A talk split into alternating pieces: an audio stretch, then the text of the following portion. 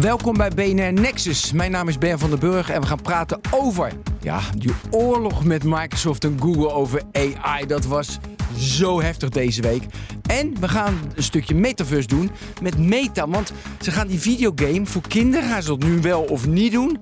Kinderen in de metaverse, is dat verstandig? En mijn gasten zijn Feline Hermans, hoogleraar computerwetenschap aan de Vrije Universiteit van Amsterdam. En Ilias Nasrullah, digitaal stratege en techcolumnist bij Trouw.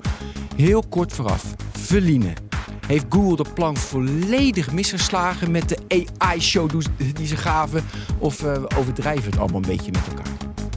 Ja, het was wel een blunder. Complete blunder, zeg Complete blunder, Oké, okay. Ilias? Ja en nee. Ja en nee, dat is te genuanceerd. We gaan beginnen. En bij ons is natuurlijk ook weer Joe van Buurik, tech-redacteur van en videogame-expert van BNR. Dank je. Vandaag mijn co-host. Ook dat nog. Ja. Hey Ben, hey allemaal. En uh, deze podcast is iedere week donderdagavond te beluisteren. Dan staat hij live. Abonneer je op de BNR Nexus op je favoriete platform. Uh, voor je podcast. En vergeet ook niet te beoordelen en te delen met je netwerk. Dat iedereen ja. BNR Nexus hoort kan luisteren. Dat hoort Spread the words, people. Spread the words. Belangrijk. Verlien ook voor jou. Absoluut. Ik zet het op Mastodon. Ja, zeker doen. Nee, Alle, veel te weinig bereik op nee, Mastodon. Ja, dat is een andere discussie. Die gaan we nog een keer over. Eerst doe ik even de host Ja. Want we zijn heel blij dat Microsoft dit mogelijk maakt. Want dit is een belangrijke podcast voor het Nederlands taalgebied in de techwereld. En voor dus daarom nu die hostwet. Daar komt hij. Op papier krijgen alle Nederlandse kinderen op school dezelfde kans om succesvol te zijn en te worden. De praktijk is helaas weer barstiger. Microsoft wil scholen ondersteunen bij het vergroten van de kansengelijkheid met educatieve technologie die inclusiviteit bevordert en scholieren klaarmaakt voor de toekomst. Een leven lang willen leren. Dat is de mindset die we graag stimuleren. Wil je meer weten over de mogelijkheden in het onderwijs? Ga dan naar aka.ms/educatie. Doe dat. Dankjewel. We gaan beginnen. Dames en heren, daar gaan we dan. We zijn begonnen. Oké, okay, Joe, de AI-oorlog. Uh, Microsoft. Uh, ik zat weer sinds lange tijd. Ja. Zat ik op di uh, dinsdagavond 7 uur. Het live, met een bord op schoot? Met een bord op schoot. Nee, dat niet. Nee, maar ik ging gewoon het live blog volgen van Bing. Ja. Gewoon een presentatie. Ik vond het geweldig om te volgen. Screenshots maken op mijn mobiel. Wow. Wat ik allemaal moest onthouden. Ja. Het was echt feest. En toen de dag erna. Ja. En, en de dag daarna hadden we Google. En dat was vlak voor BNR Digitaal. Luisterde die ook. En dat was echt, jongen, ik dacht, wat een fiasco ja, het, is, het is wel een memorabele week in techpresentaties. Inderdaad, dinsdagavond in Redmond op het hoofdkwartier van Microsoft. Presentatie hoe AI in de zoekmachine Bing en Edge webbrowser moet komen. Mensen die het dan mochten proberen. Uitgebreide interviews met Satya Nadella als CEO. Google op maandagavond al een blogpost over wat BART als hun AI moet gaan doen. Maar die maakte niet veel indruk in de presentatie woensdag. Want ja, het ging maar heel kort over BART. En we wisten al dat BART kwam. En we weten nog steeds niet wat BART doet, want niemand kan het gebruiken. We kennen een hoop dingen al van Google I.O. Iemand vergat zijn telefoon mee te nemen, kon de demo niet doen. En Bart beantwoordde een foto over de James Webb-telescoop ook nog verkeerd. Dus ja. Ja, maar, um, ja, ik kan gelijk beginnen, want ik fantastisch voor mij. Ik wil even ook jullie reactie, Verline. Wat, wat, wat, wat, waren, wat, is jou, wat viel jou op? Ja, die telescoop, daar kan ik nog tien jaar mee vooruit. Dit is zo fantastisch, want ik loop al drie weken tegen iedereen te zeggen dat, dat ding, dat idee van het algoritme maakt fouten. Het maakt fouten. Let op. Ja, maar het klinkt zo goed, maar het klinkt zo goed. Ik zeg, ik weet dat het goed klinkt, maar bedenk nou even, zo werkt het niet. Dus iedere keer als iemand nu zegt, ja, maar die AI, het is zo goed, die AI, zeg ik, ja, maar weet je nog van die telescoop? Oh, genieten dit. Ja. Is het heel erg, want iedereen viel erover over die, maar ik vond, denk ik, ja, ja, dat weet je toch dat hij fouten maakt. Nou ja, Ja. heeft hij fout gemaakt, prima. Ja, maar ik denk dus dat dat niet waar is. Ik denk niet dat mensen weten dat hij fouten maakt. Want het ziet er zo goed uit. Ja. En je hebt vaak best wel diepe kennis. Kijk, ik wist het niet hoor. Ik weet niet hoe jullie in de telescopen zitten. Ook, eh, maar nee, ik ik had ook er zo niet. ook Nee, in kunnen trappen. Ja. Dus als je niet heel veel van het onderwerp weet, dan denk je ja. Dat ding zal wel gelijk hebben. Hè? Vergeet niet dat heel veel mensen echt nog de mindset hebben. Als het ergens staat, als het in de krant staat, als het op internet staat, dan klopt het. Ja, maar daar moeten we juist Oh, van af. oh, maar dit vind ik gewoon als het in de krant staat. Ilias, ik- dit is de eerste dat je bent. Jij hebt een paar weken geleden in trouw nog wat schokgolven veroorzaakt in de techgemeenschap door te zeggen dat ChatGPT dom is. Dom en volkomen onbetrouwbaar. Nou, Ja. 100% state your case, Mr. precies. Laat ik even op het volkomen onbetrouwbaar ingaan. En, en met name dan ook op wat eh Feline zegt. Hè, van, ehm, het is heel erg dat het fouten maakt. Maar wat eigenlijk nog erger is, is dat het af en toe fouten maakt. Ik heb veel liever een stukje technologie wat het altijd mis heeft, dan een stukje technologie wat uh, soms de waarheid spreekt, heel vaak er net naast zit en soms gewoon bagger uitkraamt. En ook net als een, als een persoon ook dubbel downt op de fouten. Precies. Dus als je Ja, ja. doorvraagt, zegt, maar weet je dat zeker? Zegt hij, ja, dat is echt zo. Ja, Ja, o- maar- of iedere keer excuses maken. Oh nee, sorry. Nee, sorry. Ja, Maar nee, je hebt is helemaal dit, gelijk. En dan kun je hem pesten en dan, dan weet je helemaal niet meer wat je Ja, aan maar hebt. misschien ligt het mij, maar ik wil hier niet te lang bij stilstaan. Want ik denk dat we de afgelopen drie, vier maanden weten, heel veel luisteraars weten die dit. Dat is zo. Ja. Ik vind we moeten er meer naartoe. Hoe erg is dat? En wat kan je, hoe kan je zorgen dat er minder fouten komen? Dus eerste vraag: hoe erg is dat nu? Het is dus echt heel erg. Hè? We, we zitten nu in een, een moment van. Hè, de samenleving heeft gewoon een misinformatiecrisis, een desinformatiecrisis. En dat zien we overal. Nog nooit zoveel toegang gehad tot informatie als nu. Maar tegelijkertijd zijn mensen totaal gemisinformeerd. Met alle gevolgen van dien. En dan komt er nu een stuk technologie wat het eigenlijk makkelijker maakt om foute informatie in te slikken. En het wordt makkelijker omdat die, die onwaarheden die zitten verpakt in waarheden. En, en daar zit het echte probleem voor mij. Ja. Ja. maar dat betekent dus we mogen alleen maar een nieuwe technologie, een ChatGPT, op de markt brengen. Als het foutloos is. Dat kan toch helemaal niet met digitale technologie? Want dat, Verlien, ik kijk jou aan. Want de software, dat verbetert toch altijd? Dat leert toch? Net zoals een mens ook niet foutloos is. Nou, dat is ook wel de claim die Microsoft maakt. Hè? Die zegt van ja, we gaan alles monitoren en mensen moeten de feedbackknop Ja. gebruiken en zo. Maar, maar werkt dat, Feline? Kun, je op de die manier verantwoorden dat je experimentele tech die zoveel invloed heeft de wereld instuurt? Dus zelfs als het perfect zou zijn, wat het niet is, Nee, dan is niet. het nog altijd ge- gebiased op de data die het heeft. Hè? Dus als je vraagt, eh, puntje, puntje, puntje zit in de gevangenis of puntje, puntje, puntje heeft een mooie carrière. Wat voor namen krijg je daar dan in? Dat zijn niet neutrale namen. Dus het is sowieso al gebiased op die data. En natuurlijk kan je zeggen, ja, we gaan het dan weer repareren en dan wordt het weer beter. Maar ga nog even terug naar de basis. Welk probleem zijn we hier aan het oplossen? Zelfs als dat ding perfect is en alle kennis van de hele mensheid in zich heeft. Wa- wat kan het dan? Kan Nou ja, het dan honger oké, oplossen? oké, nee, het dan maar kanker dit is- genezen? ik- Welk probleem zijn we hier aan het oplossen? Nee, Waar is ik. het Nou, überhaupt voor? goed, Jo, weet ik wil hier ook op dit is, antwoorden. dit is niet mijn, ik mening, maar ik, ik wil wel de onderbouwing die bijvoorbeeld Microsoft en, en, en, en by extension ook Google en misschien wel andere techbedrijven aanhalen. Die zeggen namelijk, search is gestagneerd. Op een gegeven moment komt Microsoft aan met 40% van de mensen die op een zoekresultaat klikt, gaat gelijk weer terug, want het is niet wat ze willen. Dus is de gedachte, we gebruiken AI om mensen betere resultaten te geven. Ik weet niet of dat klopt, want dat moeten we gaan merken in de praktijk. Maar dat is het probleem wat geschetst wordt. Ik weet ook niet of dat een probleem is. Ik ben op zich best tevreden. Ik, bedoel, ik gebruik Google als zoekmachine. Ik- Over het algemeen krijg ik best informatie die ik wil. Ik ben gewend ook veel te zoeken, dat is mijn werk. Maar eh, dus ik snap wat je zegt. Ik, ik voel het probleem ook niet heel erg. Maar blijkbaar voelen die techreuzen vanuit de motivatie. Hier kunnen we een slag mee slaan. Of zoals heel vaak, mensen iets geven waarvan ze nog niet weten dat ze behoefte aan hebben. Ja, nou ja, ik. Toch? Nee, ja. Ik ben gewoon. Jij hebt wel slechte zoekresultaten, Ben. Nee, ik heb heel vaak. Nee, ik wilde van de week wilde ik opzoeken van hoe afhankelijk is Nederland van Tata Steel. Succes met je Google search. ChatGPT gaf mij echt. Ik had, ik had een lekkere chat. Ja, had- maar hoe weet je dat dat klopt? Nee, weet ik. Maar ik, je denkt toch niet dat ik het volkomen geloof? Het is Nee, toch ja, maar wat heb je er dan aan? Maar Dus- jongens, we moeten er. er- er- ik, wil, maar ik ga even terug naar die vraag. Ja, ja, ja. Eh, Kijk, jij zegt, en dan wil ik dieper op in. Jij zegt van het moet perfect zijn. Maar eh, d- digitale technologie, software, is niet perfect. Nee, We ik zeg niet dat het perfect moet zijn, maar ik vraag me wel af welk probleem, wiens probleem en welk probleem zijn we hier aan het oplossen. Dat kan ik ook beantwoorden. Het probleem is dat in search op dit moment heel veel niet gevonden wordt. Bijvoorbeeld, eh, hoe belangrijk is Tata Steel voor Nederland? Mhm. Dat is gewoon een vraag. Dan kan je googlen wat je wil. Is best ingewikkeld. En met ChatGPT heb je extra informatie. Ik ging eh, hoe, hoeveel het staal Nederland eh, nodig heeft. Hoeveel staal ze produceren. Dat, dat ging zitten verzinnen. En ging lekker chatten.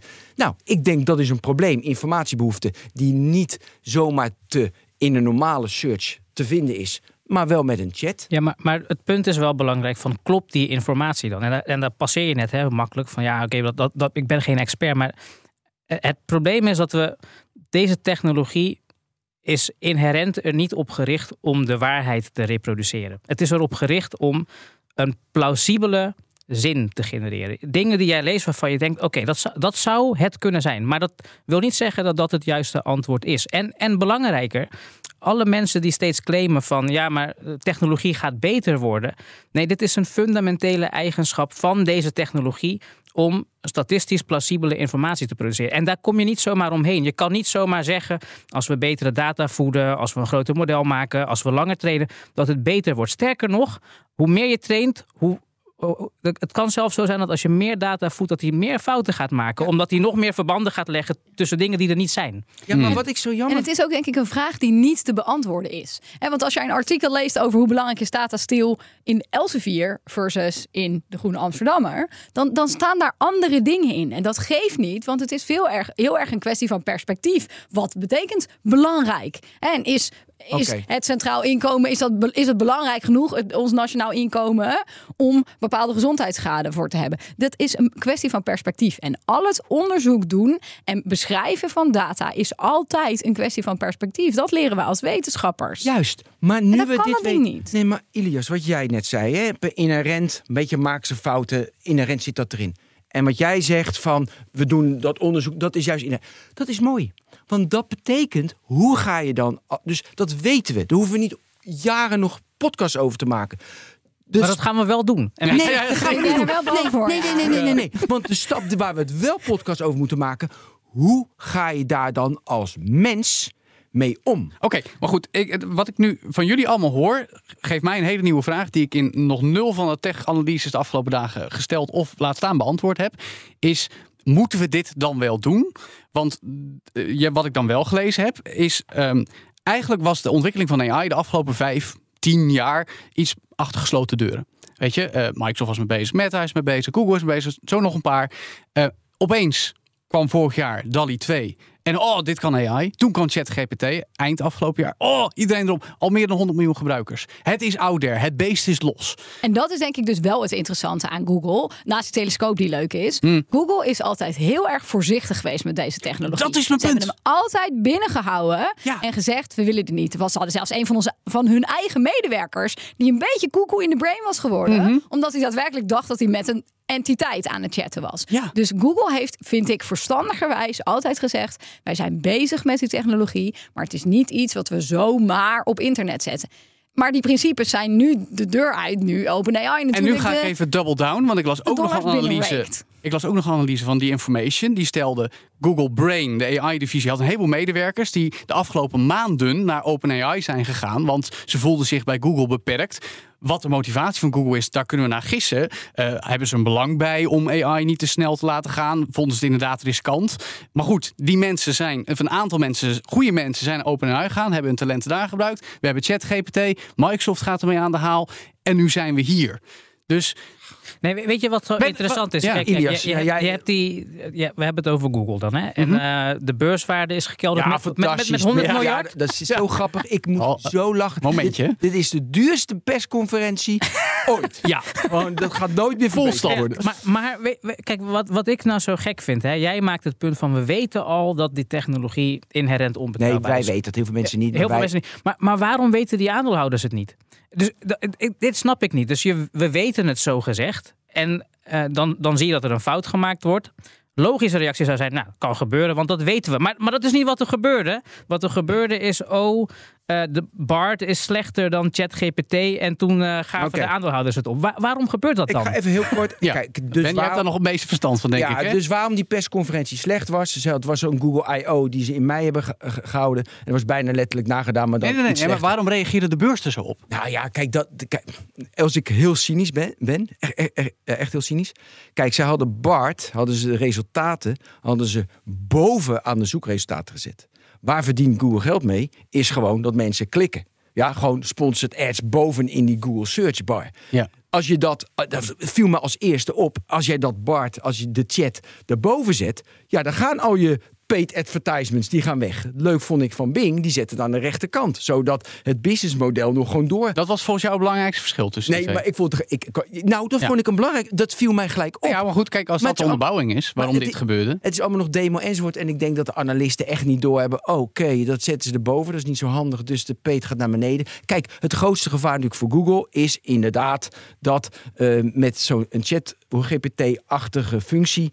Ja, dan gaat die, hun businessmodel is paid search. Dus ja, dat, dat je klikt, de hele SEO gaat helemaal op, eh, op de schop. Als we chat, als het hele internet. Maar dat kan daar toch best in geïntegreerd worden. Ik kan me voorstellen dat zo'n Bart wel kan zeggen: "Hmm, wil je niet eens op deze website kijken? En dan staat daaronder: "De- dit antwoord is gesponsord. Ja. Chat Ja. en ads sluiten klopt. elkaar niet uit per definitie. Nee, dus Microsoft zei ook van advertisement model wordt het. Dat vond, Ja. dat vond ik ook interessant. En daaronder, als je naar die demos kijkt van Bart, zie je daaronder ook. Ja. Kijk hierna, hierna, hierna. En dat kunnen ze. En, kunnen ze en sponsoren. zelfs dat, Ja. vind, hè, jouw verklaring vind ik zelfs onbegrijpelijk vanuit een aandeelhoudersperspectief. Want je ziet dat alle apps bewegen naar. We willen iedereen in onze eigen app, onze Ecosysteem. eigen venster houden. Weet je wel? Want dat zie je bij Twitter, je ziet het bij LinkedIn. Het is verschrikkelijk steeds. Weet je wel, die, dat de browser wordt in de app geopend. Alleen maar om jou vast te houden in hun ecosysteem.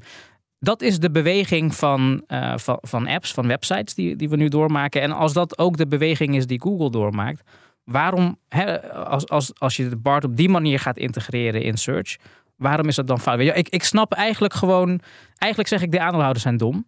Uh, En dat is ook waarom ik in het begin zei van, nou ja, volgens mij, het, het, het was een slechte persconferentie, maar we overdrijven het ook in die zin dat het, het, was wel te verwachten dat dit de persconferentie zou zijn. Weet je wel, dat dit de beweging is waar we naartoe gaan. Nou ja, ik denk dat die ook slecht was, omdat ze met, uh, met image en de creative AI, dat ze daar ook mee kwamen. En de aandeelhouders willen natuurlijk een keiharde reactie op ChatGPT-integratie in Bing. Is het misschien ook een gevolg van de verwacht. hype die de afgelopen maand Ja, gecreëerd was? Zo, van, ja. oh, code rood bij Google. En Ja. eh, Sergey Brin en Larry Page zijn erbij gehaald om het allemaal op te lappen. Ik En- hoorde dat Sergey Brin zelfs weer code heeft gereviewd.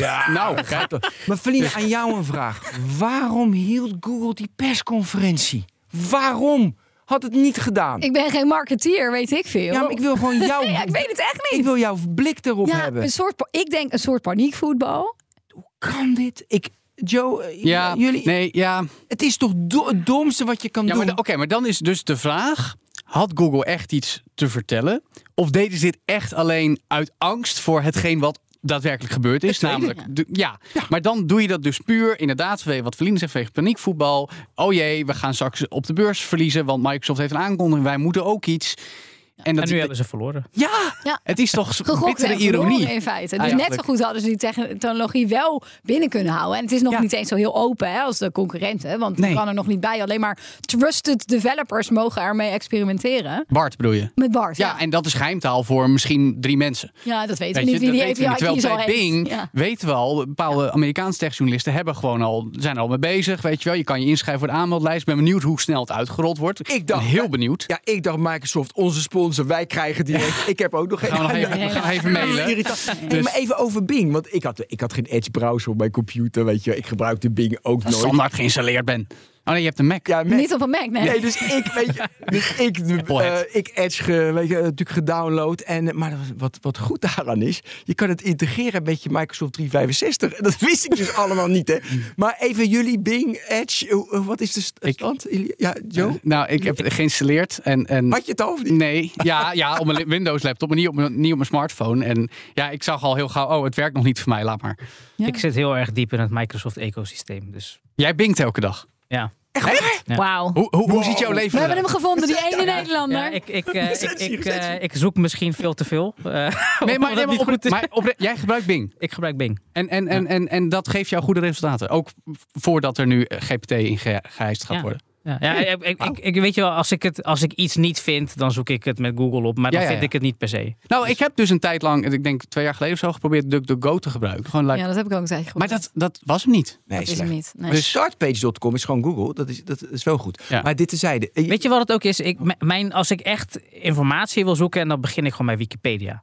Dus dat, dat Ja. is het bij mij. Nou, maar ik Dus- heb ook een keer gezegd in een van de vele tech-podcasts die we maken... dat ChatGPT misschien nog wel veel meer een bedreiging is voor Wikipedia. Hoewel, Wikipedia is natuurlijk een non-profit en heeft een heel ander oogpunt. Maar da- daar, daar gaan echt mensen straks niet meer naartoe. Wat jij zegt. Nou ja, ik hoop, ik- misschien heb je Misschien. gelijk. Ik hoop van niet. Nee, ik hoop het ook niet, maar dat, dat, dat, dat risico is er, denk ik. Nee, want Wikipedia is juist zo'n geniaal idee, omdat het soort van alleen maar in de praktijk werkt. Want de theorie, toen dat net opkwam, zei iedereen, ja, iedereen kan er dan alles opzetten. Het is En dat decentraal. kan ook, maar dat is dus echt een community die werkt. Ja. Dat is heel knap. Eh, jij Edge Bing gebruiker niet? Nou ja, Eh, ik heb een Windows, een Windows computer om op te gamen. En daar zit dan standaard Bing op. En daar zoek je dan wel eens iets op. Maar Oh ja. daar, daar zoek ik dan meestal games nieuws op. En dat vindt hij wel hoor. Ja, vooral van Xbox games. zeker. Nee, dat valt Ja, oké. Ehm, we moeten. Ik wil even eigenlijk over de, de Bing-presentatie wil ik even wat. Weet je, wat opviel aan die presentatie? Gewoon even de inhoud in wat ze vertelden. Noem het single meest belangrijke, wat je da- daarvan vond. Het single meest belangrijke vond ik toch dat ik niet had verwacht dat die 40% zijn direct weg. Hm. Ik vond het een hele mooie uitleg van dat mensen of iets specifieks willen zoeken van, eh, van hoe laat, eh, zeg maar, naar een, eh, dus, dus een website. Maar ook 33% van de informatie is dat vage, wat ik net zei, met datastiel zoeken. Ik dacht, hé, hey, daar, daar, daar zit dan een markt. Ik vond dat ze goed over search geanalyseerd hebben en goed onderzocht hadden. Dat vond ik interessant. En ik vond interessant over de hele, het screpen van het internet, eh, rechten. eh, weet, je, wat hou je er vanaf en wat doen we ermee? Wat businessmodel? Dit vond ik opeens interessant, vooral ook omdat er een interview was door de hoofdredacteur van The Verge, Nilay Patel, met Satya Nadella. Ja, moeten we allemaal luisteren. Zeker, gewoon een heel goed gesprek. Waarin hij ook echt doorvroeg over van ja, maar je haalt je, je informatie uit webpagina's. En nu klikken mensen op een link en komen ze op die webpagina. Straks is, krijgen ze een samenvatting. Ja. Weet je, ja, ja, nee, dat is belangrijk. Weet je, dat, dat, dat is ons bestaansrecht om dit überhaupt te doen. Maar ik voorzie daar echt een enorme discussie met contentmakers. Die zoiets hebben van ja, maar ik krijg nu niet meer die klik. En daar zitten mijn advertenties en daar zit mijn verdienmodel. Dat krijg ik nu niet Ja. meer. En Satya- kan Satya Nadella wel toezeggen. Toen zeggen, maar hij gaf geen concreet antwoord hoe Nee. dat eruit zag. En het is nu aan jullie, lieve gasten, om het antwoord te geven voor Nadella. Ja, het is ook heel interessant. Ju- Juridisch dat we nog niet weten wat, hoe dit werkt. En dus je hebt allerlei licenties die je op tekst kan zetten. Bijvoorbeeld dit mag geremixed worden. Iemand mag mijn tekst pakken en daar iets anders mee doen. Of plaatjes of code. Maar er zijn nog geen aparte licenties die zeggen... een mens mag dit gebruiken, maar een algoritme niet. Ik zou dat heel graag op mijn code op GitHub zou ik willen zeggen... I- Iedereen mag het uitlezen, uitprinten, op zijn bips tatoeëren, kan me niet schelen. Maar het gaat niet in de algoritmes. Die open source licenties zijn er nu niet. Dus je kan niet dit specifieke gebruik verhinderen. Ik kan me goed voorstellen dat contentmakers van tekst, journalisten die iets op hun eigen blog zetten, dat ook willen schrijven. Iedereen mag dit lezen, uitprinten en, zo- en doe maar wat. Maar ik wil niet dat dit in het algoritme gaat. Ja. Maar juridisch, technisch juridisch, lopen we nog helemaal achter op dit gebruik. Want die licenties zijn er niet. Dus ik kan niet eens stoppen. En we hebben net min of meer een, een soort van einde na jarenlang juridisch getouwtrek over Google News Showcase bijvoorbeeld. Dat het nieuws van nieuwswebsites haalt en in een eigen paneltje zet. En, en daar zijn nu net soort van schikkingen over getroffen en afspraken gemaakt onder druk van allerlei westerse overheden. Dus Maar die je, discussie gaan we opnieuw voeren met AI. Het, het Ja. probleem voor content creators is dit. Kijk, ik, ik heb al verschillende keren op, eh, op Twitter en Mastodon mensen die zeggen van weet je wat, je moet gewoon eh, eh, crawlers gaan weren vanaf, vanaf je websites. Mhm. Eh, weet je wel, en voeg dat gewoon toe. Eh, ik heb eh, voorstellen gezien ook voor standaarden, voor no bots, et cetera, weet je wel. Eh, maar het probleem hiervan is dat eh, die, die content creators zijn ook afhankelijk weer van Google, zodat ze gevonden kunnen worden. En, en weet je wel, de, dus hier, ik denk dat, eh, dat het in zekere zin jezelf in de voet schieten is als Google en Microsoft zijn om eh, samenvattingen van, eh, van artikelen op je eigen website te gaan publiceren. Omdat dan ehm, eh, de reden, zeg maar, de motivatie voor content creators om echt, om echt de crawlers te gaan weren steeds groter wordt. Want die, die gaan Ja. dan toch niet meer komen via die websites. Ja, En, en die beweging zou wel eens kunnen gaan ontstaan. kijk, de geschiedenis leert natuurlijk dat ze altijd het eerst gewoon doen en dan gaan mensen klagen en dan gaan ze maatregelen eh, nemen. Maar in dat interview was duidelijk van we gaan dat ook vooraf doen en we gaan dat netjes doen. Ik eh, kreeg van de week een link stableattribution.com. Dat is dus, dan kan je je- jouw jouw jouw kunst die jij hebt gemaakt, je plaatjes die jij hebt gemaakt, kan je kijken eh, of de wat met Stable Diffusion is gegenereerd. Of het ergens in een dataset is verwerkt, bedoel je? Of, jou, of jouw eh, zeg maar, plaatjes in, in een dataset eh, ja, inderdaad i- i- Ja, ja. is verwerkt. Nou, dat zijn nog tools die ze doen.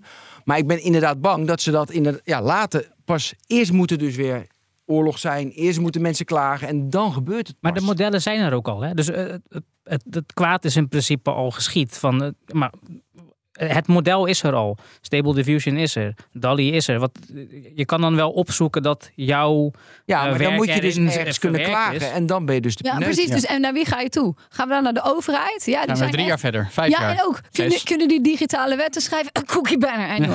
Ja, dus ga ik naar de overheid zeggen: overheid, Nederlandse overheid, overheid, overheid. Google gebruikt mijn code. Ik wil dat niet. Ja, daar Nee, gaan die- we het niet die- mee staan redden. je nu denk ik. aan te En, kijken. en, en wat is jouw oplossing? Want wij zijn hier wel van de oplossing. Dat is waar. Ja, ik ben, ik ben bang dat je weer gaat gillen als ik dit ga zeggen. Maar voor mij mogen al die, al die GPT's allemaal in de Nee, prullenbak. maar oké, reality Weg check. mij. Dit gebeurt. Dit, ja, maar dat gaat, mij. dat gaat ook niet gebeuren. Dit, Nee, dit dat gaat gebeurt niet gebeuren. nu. Maar mij werd gevraagd wat de oplossing is. Ja, dat snap ik. Maar oké, de, de realiteit is dit gebeurt nu. Dus we zullen ermee om moeten gaan, voor better or worse. Dus dat, dat is de Ja, situatie maar waar we ermee, mee omgaan kan ook zijn verbieden. Hè? Ja.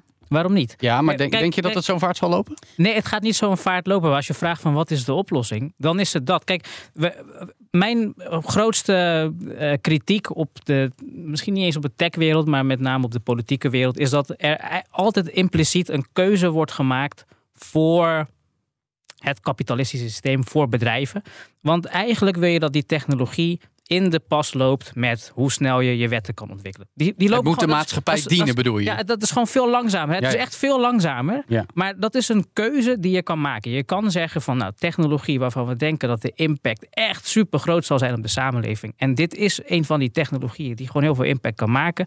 Die willen we op een goede, verantwoorde manier introduceren. En dat betekent langzaam introduceren. Niet gewoon op de samenleving gooien. Dat- nou ja. En dan, zoals ik twee weken geleden zit ik ineens bij de Hogeschool van Amsterdam te praten met allemaal docenten die in de stress zitten over hoe moeten we met ChatGPT omgaan. Ja.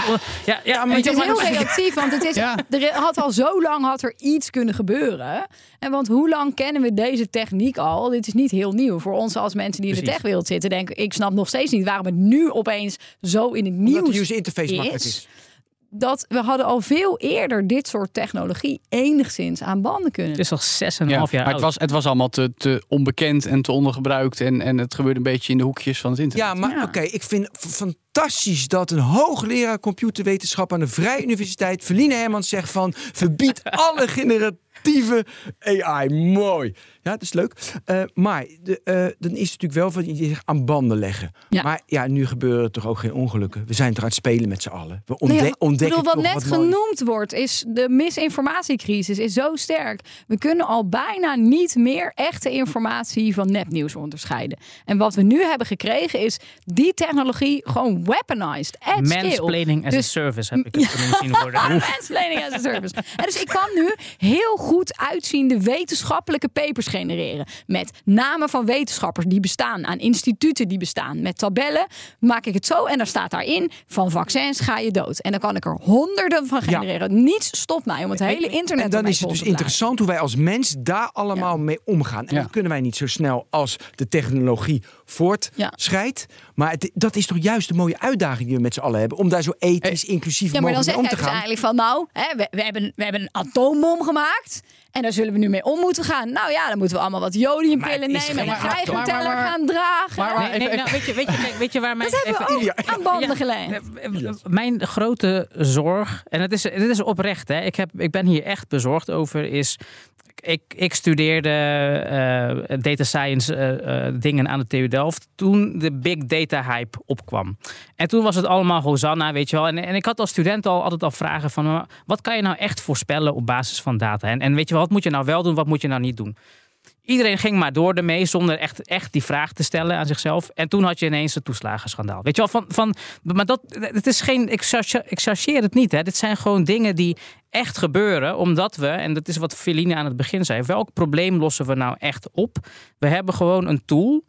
En de- hè, ik heb een schroef gemaakt en daarna gaan we, gaan we er brood mee smeren of zo. Weet je wel? Dat, dat is wat we aan het doen zijn. Ja. En, dan, en dan gaan we daarna, eh, tien jaar later, ineens verbaasd zijn van... huh, het werkte toch niet zoals het moet. En wat een...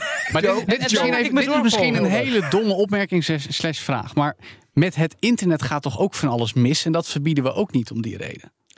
Met het internet gaat ook van alles mis, maar daar wordt wel wat aan banden gelegd. Als je bijvoorbeeld kijkt over persoonsdata die gebruikt kunnen worden. Maar daar zijn decennia ja, voor het nodig. is een beetje laat. Het had wat sneller gekund, maar Ja. daar leggen we wel wat aan banden. En de dingen die we niet aan banden leggen, hè, bijvoorbeeld clickfarms en nepnieuws, Ja. daar betalen we ook de prijs voor. Oké, maar goed, dan hebben Ben en ik een tijdje geleden nog een gesprek gehad met Kim van Sparretak, die in het Europees, eh, eh, Die is goed. ja, die in Brussel zit en die namens GroenLinks en die zegt van we, ik sleutel mee aan de AI Act en nou, er wordt er niet, de, men, men is ermee bezig. Weet je, ik zeg niet dat het gelijk resultaat levert, want we weten hoe het in de realiteit gaat, maar men is denk ik wakker genoeg al. De overheden, de westerse overheden, om hier enigszins scherp op te zijn. Nee hoor. Nee, generatieve AI, AI zit helemaal niet als onderwerp in de AI-act. Nee? Daar, daar hebben we het echt over hele Oké, andere... maar een van de dingen weet ik toevallig Nou. uit mijn hoofd wat er wel in zit. Dat, en dat vind ik heel raar, dat de makers verantwoordelijk zijn voor de resultaten. Dat kan helemaal niet. Dus er wordt, wordt aangepast voor wat, wat de gevolgen zijn. Mm. Dat kan helemaal niet zo worden, zo worden, worden aangepast. Nou, dus dan kan je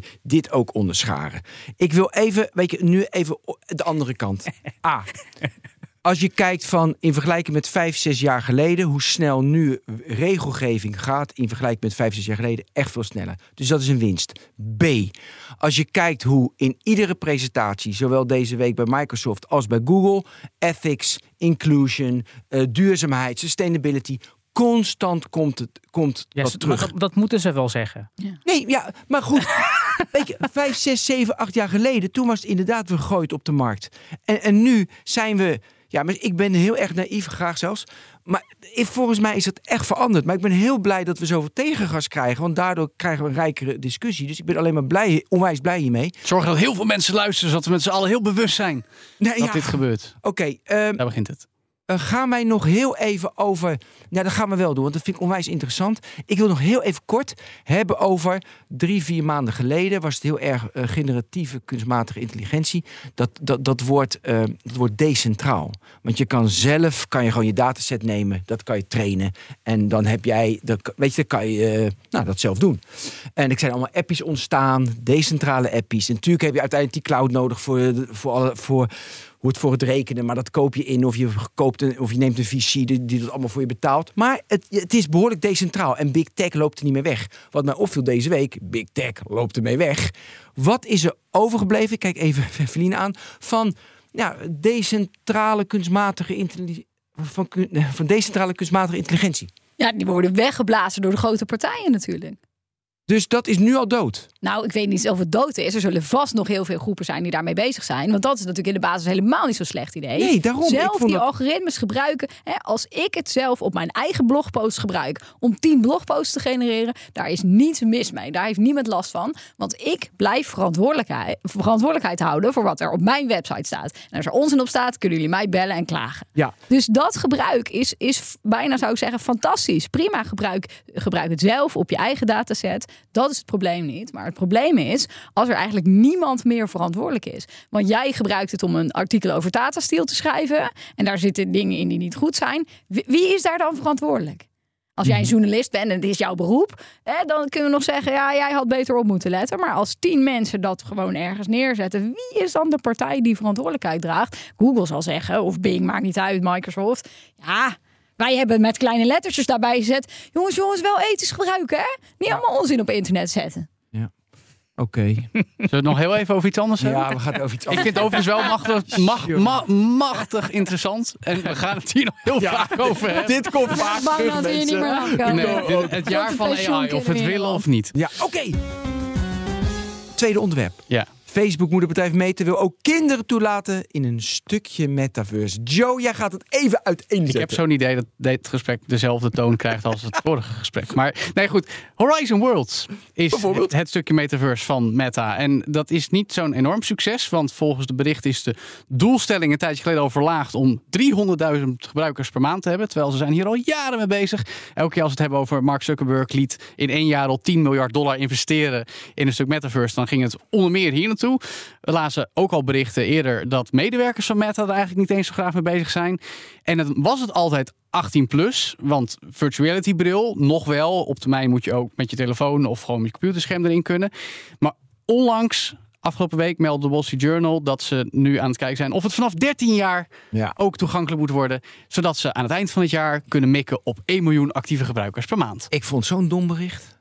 Ik denk, ja joh, 13, 18, 18 plus, het is toch kansloos. Ja, misschien is dat te plat. Ik kan er wel even iets dieper op ingaan. Maar eerst even, misschien Verline. Wat was jouw eh, reactie daarop? Oh ja, meta. Ja, dat was ook een ding. Ik had er even niet meer Oh, op gelet. Maar ze bestaan nog. Ja, het speelt, het speelt geen, geen rol van betekenis, denk ik. En ik zie iedere week een ruime hoeveelheid 13-jarigen.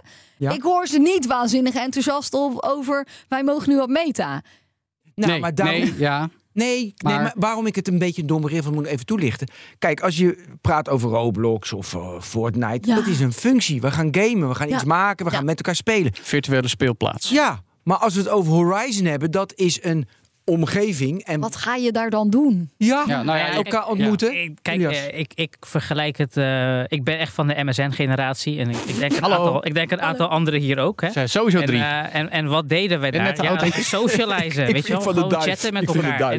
En, dus ik, ik denk dat zeg maar, het idee dat jongeren graag in nieuwe spaces verkennen en daar met elkaar socializen, dat is helemaal geen gek idee. Volgens mij is dat heel natuurlijk dat het Ja, gebeurt. maar niet als het van Facebook is voor 13-jarigen van nu, denk ik. Ja, kijk, ja, dus, dus- zitten wij boomers op. Kijk, dat zijn wij. Jij, ziet kansen, proef ik. Nee, kijk, ik, ik, ben, eh, ik, ben, eh, ik ben eigenlijk voorstander van ontwikkelingen rondom eh, eh, XR, zeg maar, hè, extended reality. Ik vind dat heel interessant. Er zijn heel veel nuttige toepassingen.